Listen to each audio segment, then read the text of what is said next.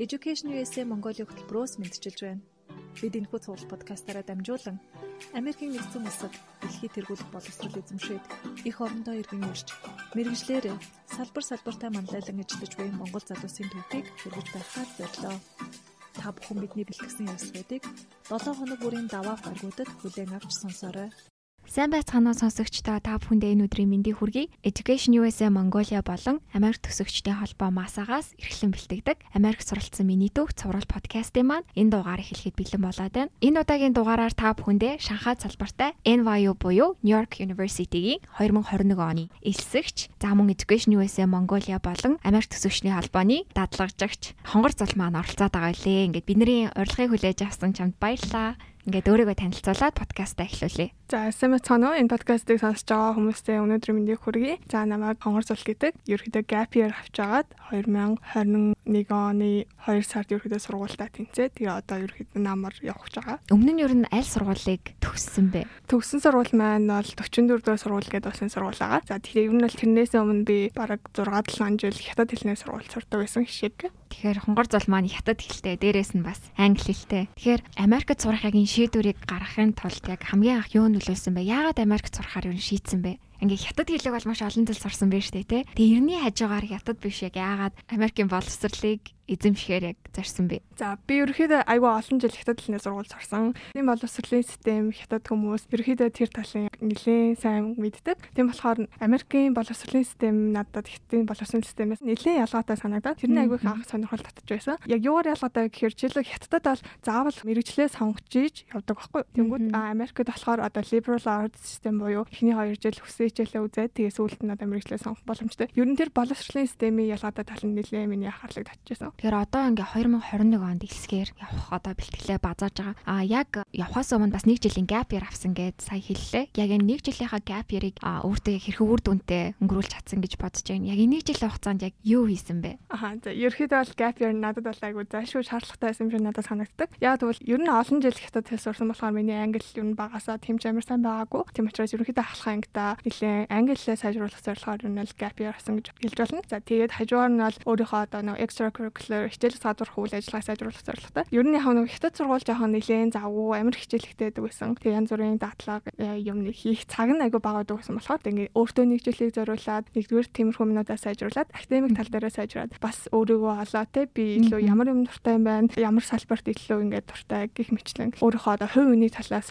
хөгжихийн тулд gap year хасан байгаа. Манай хонгор цулмаа education USA хөтөлбөрт дадлага хийгээд 4 сар болж байгаа. Тэгэхээр энэ хугацаанд яг юу хийсэн бэ? Дадлага хийж байгаа энэ туршлага чинь өөрт чинь одоо хувь хүний чинь зүгээс өөрөө чи хэрхэн одоо сайжруулсан бэ? Туршлагаасаа хаваалцах уу? За, ерөөхдөө Education USA Mongolia дадлага хийж байгаа бол амар баяртайсан. Би хоёр дахь флайт дахь дээр орсон. Хоёр удаа CV-г явуулж орсон байгаа. Тэгэхээр намар явуулсан ч болохоо тийзээгөө. Тэгээ хавар нь явуулаад тийцэн байгаа. Одоо ер нь бол яг 103 сар дадлага хийлээ баг. Тийм болохоор энэ зам бол үнэхээр амар өрөвдөлтэй, үнэхээр зүйл сурсан дадлага болсон. За, нэгдүгээр одоо та бүхний сонсож байгаа подкастыг эдитлж сурсан. Сошиал медиа дээр одоо гарч байгаа өдөр болгоны постурууд тэгээд мэдээллүүд тэр их бичвэрүүдийг бүгднийг бэлт сурсан. Ерөөдөө одоо боловсролын мэдээллийг хэрхэн бэлддэг вэ? Тэгээ ямар хуу постэр, ямар хуу зүйл хүний анхаарлыг илүү татдаг гэд маркетингийн чиглэлийн ч гэсэн зөндөө олон юм сурсан байгаа. Тэгээд тэрнээс гадна агай гоё мэдээлэлтэй агай ойрхон байдаг. Education USA Mongolia бол ер нь Америкийн боловсролын талаар хамгийн зөв мэдээллийг байнга үргэлж өгдөг. Тийм болохоор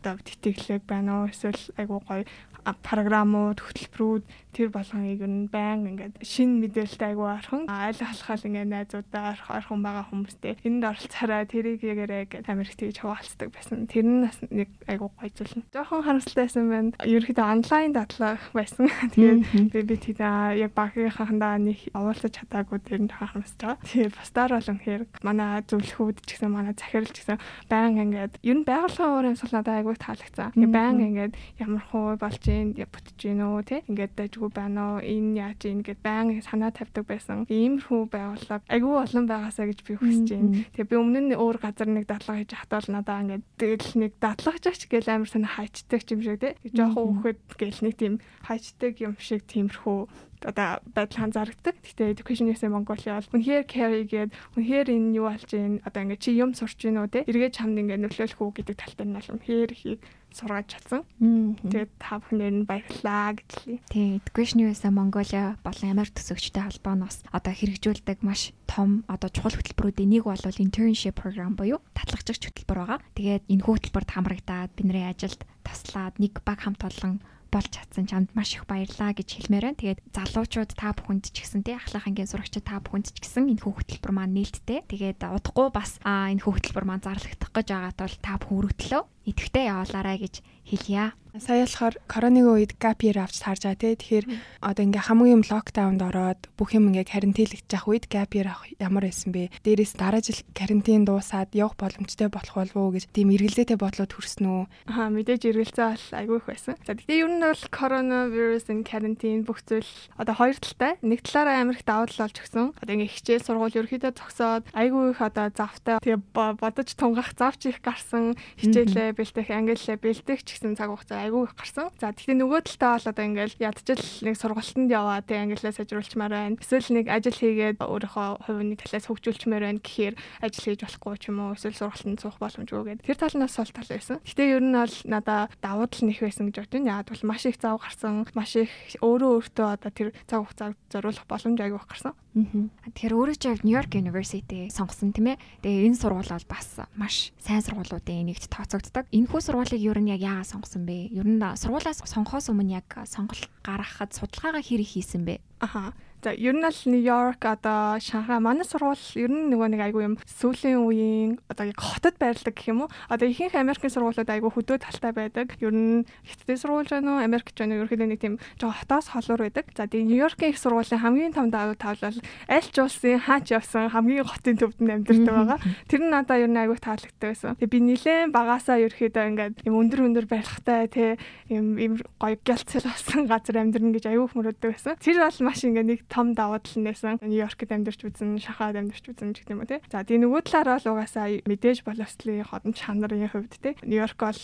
дэлхийд одоо 26 7-д ордог сургууль байгаа. Би нөгөө нэг бас ерөөдөө жоохон бизнес болон одоо финансийн чиглэлийн санхүүгийн чиглэлийн одоо мэрэгчлэлд жоохон сонирхож байгаа ерөөдөө. Гэтэ яг чийдээгүй байгаа. Тийм учраас Нью-Йорк их сургууль яг санхүү болон тэр бизнес чиглэлээр бол баг Америкта топ сургууль хамгийн топ нэг сургууль байгаа. Тийм учраас тэр бол бас их нөлөөлсөн. Тэгэхээр одоо яг энэ 9-р сар 10-р сарын намрын хугацаа бол сурагчдад бол яг энэ Америкийн сургууль өргөдлөө явуулах одоо яг тэр бэлтгэл ажлыг хангадаг тийм чухал үе байгаад байгаа. Тэгэхээр өөрөө өөрийн хувьд яг энэ процессыг саяхан даваа тоолсных нь хувьд яг ямар шат дараалтаагаар бэлдүүл зүгээр идэх юм бэ? Эхлээд юун дээр анхаарах уу? Дараа нь яах вэ? гих мэтлэн. Дээрээс нь одоо нөгөө нэг өргөдлийн хугацаа гэж байгаа штэ. Тэгээ энэ хугацааг яг хэр одоо зөв тооцоолж өргөдлөө бэлдэх хэрэгтэй болоо. За өөрөө бол айгу оройд ч ихсэн гэж өөрөө боддог. Тийм учраас ер нь яг одоо ингээд өргөдлөө бэлж байгаа хүмүүс бол яг 10 дугаар ангиас эхлэх бол хамгийн одоо best time. А шалгалтандаа бэлдэх байна уу, эсээгээ бичих байна уу, аль аль талаас 10 дугаар ангиас эхлэх бол хамгийн зөв цаг хугацаа юм шүү.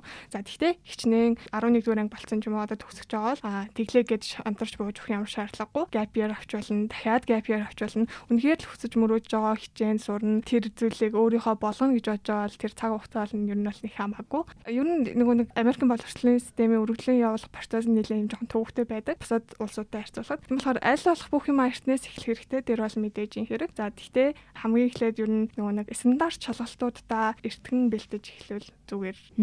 Ингээд шалгалтанд бэлтгэх процессын тухай асууя. Тэгэхээр стандарт шалгалтууд яг өөрөө чи хувьд ямар ямар шалгалтуудыг өгч ийсэн. А дээрээс нь бас Нью-Йорк сургуулийн хувьд бол шаардлага маш өндөр байгаа. Дээрээс нь тэр стандарт шалгалтуудын босгоо оноос өндөр байдаг баг. Тэгэхээр энэ босгыг давахын тулд өөрөө шалгалтандаа яг хэр бэлддэг байсан бэ? Ямар зохион байгуулалттайгаар бэлддэг байсан бэ? За ерөөхдөө бол Америкийн нэгдсэн улсын их сургууль явж байгаа бол SAT, IELTS, TOEFL-ын бол заашгүй хэрэгтэй. За тэгээ би болохоор SAT-гийн нэг ерөөхдөө хагас жил, за нэг бараг жил орчим чи бэлдсэн юм уу? А тэгтээ харамсалтай нөгөө коронавирус болоод SAT ерөөсөө автгаа байсан. Бол намар нь өгчээсэн боловч туцлагдаад ер нь SAT-ийг өгч чадаагүй. За тэгээ IELTS-ын шалгалт бол хоёр удаа өгсөн байгаа. Ерөөхдөө одоо би ингээд team амар сайн төлөвлөлтөд явж чадаагүй 10 дугаар ангиас эхлэх болохоор ер нь бол нэлээд бүх юм амар тавцсан. Одоо өглөөний SAT-гээ бэлдээл SAT яаж байгаа нэг амар урттай нэгхэн тест хийхэд бараг 4 цаг болдог. Тэгээ SAT-гээ өглөөнд бэлтэн өдөр нь IELTS-ийнхаа reading-ийг хийн гэл оройн эсээгээ бичин гэдэг юм нэлээд ер нь айгу ялангуяа намар бол 20 оны намар бол цагийн хувьд нэлээд шахуу байсан. Тэгэхээр одоо баг өнөө маргаашгүй нисэх чинь те. Тэгэхээр чинь хувьд одоо маш их тогтлолтой байгаа. А одоо ер нь яг төсөөлөл яг хэр вэ? Одоо юу гэдгийг ямар найдлагыг тээж явж байна? Яг юуг харах юмсан ч юм уу одоо юуг харах байх, юуг олж харах байх ч юм уу. Яг тийм ямар найдлагыг тээж явж байна. Одоо Нью-Йорк гэхээр л яг нэг кинонд гаргадаг тийм. Би нэг багахтаа гэртээ ганцаараа үзчихсэн. Гэртээ ганцаараа нэг өвөл алт тийм. Тэгээ нэг амар алтартай мод байдаг Нью-Йоркт. Тэгээд тэрийг анх харчаад тэр бол ямар газар гэдгийг бол би тэр үедээ мэдэхгүй мэдээж авах хэрэгтэй. Тэгэл би энд нэг өдөр заавал очиж үзнэ гэж. Тэгжсэн гэхдээ хизээ хаана яаж одоо ямар учирлаар үзэх нь бол мэдэхгүй. Тэгтэл ингээд нэг өдөр ингээд одоо Нью-Йорк нисэх чинь гэж баатсан чинь oh my god Нью-Йорк Нью-Йоркийн шинэ жил үзнэ те. Аа тэгэл Нью-Йоркийн алдартай Манхэттанд амьдрна гэл тэр болсон амар excited би амар сэтгэлглэн ба. А миний хувьд яг анх Америкт очиход нэг судалгаагаасаа хийгээгүйгээс болоод нэг солин шокнд амар орж исэн байхгүй юу? Амар миний хүлээлт ямар байсан бэ гэхээр яг чиний өөрөө чи хэлдгээр гой гой барилга маш олон хүн гээл дотроо тийм төсөөлт явсан боловч яг очингууд ингээл байгаль дунд ой модон дунд ингээл машинаар яваал ерөөсө хаана хүрэх гээд байгаа мэдгүй. Тэр надад яг тийм солин шок санагдчихсэн. А тэгэхээр өөрөө чи хувьд яг энэ солин шокнд ч юм ийм зүйлд орохгүй тул судалгаагаа хэр хийсэн бэ? Америкийн соёлын талаар ер нь хэр судалгаа хийсэн гэж бодож байна өөрөө? тодорхой хэмжээнд бол бас яг мэдж байгаа байх. Гэхдээ яг үнэхээр одоо ингээд яг тэнд амьдарч байгаа хүн шиг тийм одоо нарийн судалгаа бол яг нарийн тийм сайн ер нь бол бас яг мэдж байгаа гэж бодохгүй.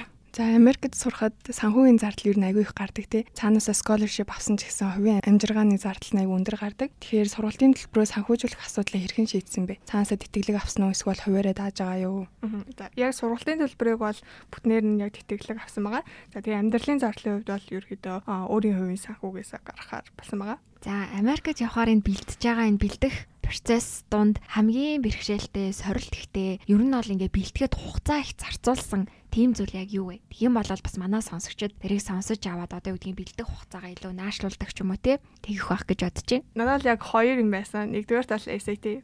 SAT бол үнэхээр тийм амар байгаагүй. IELTS мэлцэл бол үнэхээр өөр. Амаагүй хэцүү байсан. Яа тэгвэл тэр чи яг Америк хүүхдүүд нь өөрсдөө өгөөд их сургуультай ордог. Yes шиг шалгалт учраас тэрний reading тэгээд математик нь бол гайгүйсэн. Гэхдээ тэр яг англи нисэн бол надад эхлээд бол үнэхээр айгүй хүн санагддаг байсан. За тийм болохоор ерөөхдөө SAT-гээ айгүй эртнээс бэлдэрээ гэж зөвлөе. За хоёрдугаарт нь бол эсээ байсан. За эсээ гэдэг бол үнэхээр яг одоо математик чинь бол нэг томьёо хэрэглээл хариу нь гарч ийн эсээ гэдэг бол үнэхээр ямар ч хариу байхгүй. Чи юу гэж ч өөрчилж болно. Би баг 28-нд ингээд эсээгээ ерөөхдөө дуусгацсан. Тэгтээ 31-ний орой шал өөр болгоод бичсэн. Тийм болохоор энэ энд яг юм тодорхой томьёо авахгүй болохоор энэ амар ядаргаатай төвөгтэй юм шиг санагдаж байгаа. Тийм болохоор эсэнийхаа санааг айгүй ихтнээс бодоод тэгээд эсэний санаа бол амар дундэршгүй олон байдаг учраас тэрийг айл болох ихтнээс нэг нэгээр нь бичээд тэгэхгүй бол ингээд яг цаганд болсон нэгээд санаагаа гинт өөрчлөх юм уу нэг тиймэрхүү юм их болж магадгүй.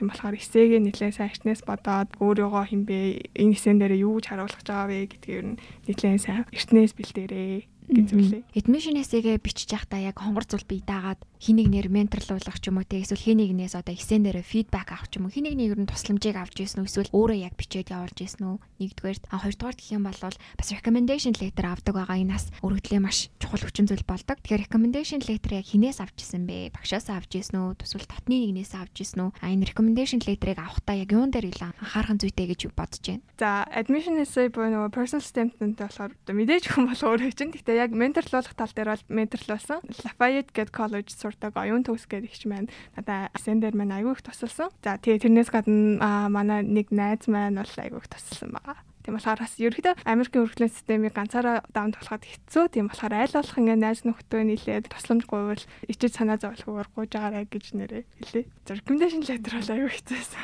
За нөгөө би чинь улсны сургууль төгссөн. Тэнгуут одоо яг багш болгон амар сайн ангилалтай байхгүй. Тэгээд тэрийг яг зөв илэрхийлж чадахгүй юм шиг надад санагдчихсан. За тэгтээ эхлээд болохоор би монголоор ерөөхдөө багш нараар бичүүлж авсан. Тэгээд нилээн сайн ингээд яг намайг зөвхөн академик лээ биш. Би тэр үнтэй тэр багштайгаа одоо ингээд хичээлээс гадуур хүл ажиллагаандаа ч гэсэн нэлээ ингээ сайн ярилцдаг. Миний гэр бүлийн талаар ер нь намайг ямар үзэл бодолтой хүүхэд вэ гэдгийг мэддэг багшаасаа нэлээ ерөнхийдөө асуусан. За тэгтээ яг англиар бол бичүүлж байгаагүй. Тэгээ монголоор бичүүлээд тэгээд тэрийгээ дараа нь ер нь англи руу хөрвүүлсэн гэж болж болно. Тийм болохоор улсын сургуулийн сурдаг хүүхдүүдэд ер нь энэ жоохон ингээ хүндрэлтэй асуудал байдаг. Тийм болохоор гол нь багш нэлээд дотн багшаасаа тэгээ recommendation letter авах хэрэгтэй. Юу юугүй зүгээр л одоо ганц цагийн хичээл заадаг багшаасаа ч юм уу. Тийм биш. Гол нь яг өөрөө чинь хинбэ хүн хувийн талаас нь илүү сайн мэддэг. Гэтэ академик талаас нь бас сайн мэддэг. Тийм хүнээсээ эртнээс одоо хилээд те яг багштайгаа уулзаад яг хамтарч зэрэг сууж агаад багшаа би яг одоо иймэрхүү юм гарах гадаамаа та юу ингэж юу гэж бодож байна. Би энэ тал дээр юу ямар хуу вэ гэдэг юм. Яг туулж харьцаад тэгээд хамтдаа баг бичээд ингээ явбал зүгээр. Багштайгаа хамт сууж агаад хідэн багшаас recommendation letter авч байсан бэ? Хоёр багшаас. За, хонгор зул маань сургуулаа сонгож явахдаа хамгийн анхны college board-оор яг өргөдлөө явуулж байсан уу?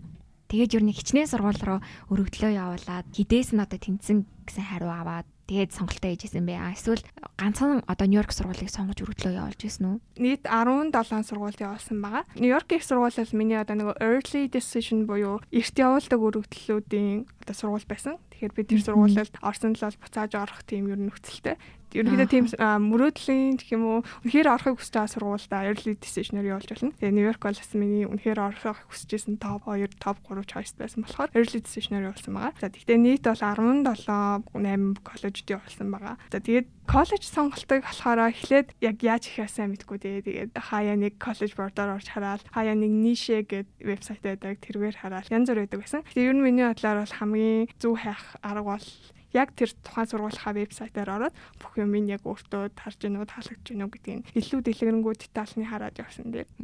За тэгээд подкаст маань цаг маань ерөнхийдөө өндөрлөх тийшээ хандж байна. Хонгор зол яг одоо Америкт очиод яг айл айл мужаар нь очиж аялахыг хүсэж байна. За эхлээд бол угаасаа гахалтай Нью-Йорк план хийж буухчаа. За тэгээ Нью-Йоркаас гадна би Бостонд аягүй очиж үзье гэж боддог.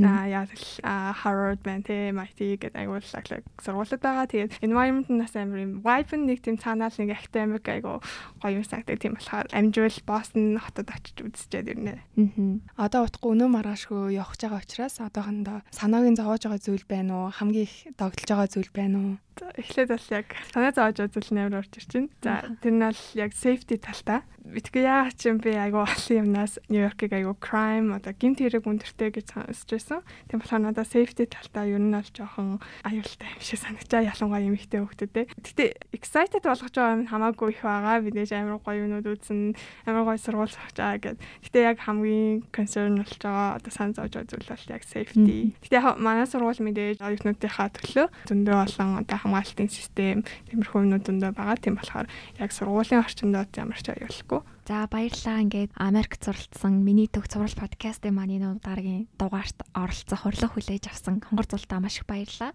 Тэгээд Америкт суралцахын 4 жилийнхэн том аялалд нь өндрөөс өндөр амжилтыг хүсье. Education USA Mongolia баг хамт олонтойгоо холбоотойгаарай гэж хэлье. За баярлалаа. Ингээд урьж орцоосон ч гэсэн баярлалаа. Ингээд өмнө нь болохоор би дана подкастын дээдлэлтэй. Яг арын албанд ажилладагс бол яг ингээд подкастт орсон ч айгүй сандарсан байна. Догтлж байна. Education USA Mongolia-гийн подкастыг ер нь банк сонсож байгаарай маш чанартай дандаа гоё хэрэгтэй мэдээлэл хуваалцдаг шүү. Баярлалаа. Америкийн нэгдсэн улсын засгийн газраас санхүүжүүлдэг Education USA Mongolia хөтөлбөрийн хэрэгжүүлэгчээр Монгол дахь Америк төгсөгчдийн холбоо ажиллаж байна. Та Америкт ихтэй сургуульд хэрхэн суралцах тухай цогц үнэн зөв мэдээллийг үн төлбөргүй авахыг хүсвэл Education USA Mongolia хөтөлбөрийн боловсролын зөвлөгөөдөд хандаарай. Бидэнтэй холбогдохыг хүсвэл www.masa.org-ийн цахим хуудасаар хандж болохоос гадна Facebook, Twitter, Instagram дээр Education USA Mongolia дагаарай. Ирэх даваа гарагт иргэн уулзлаа түр баяртай.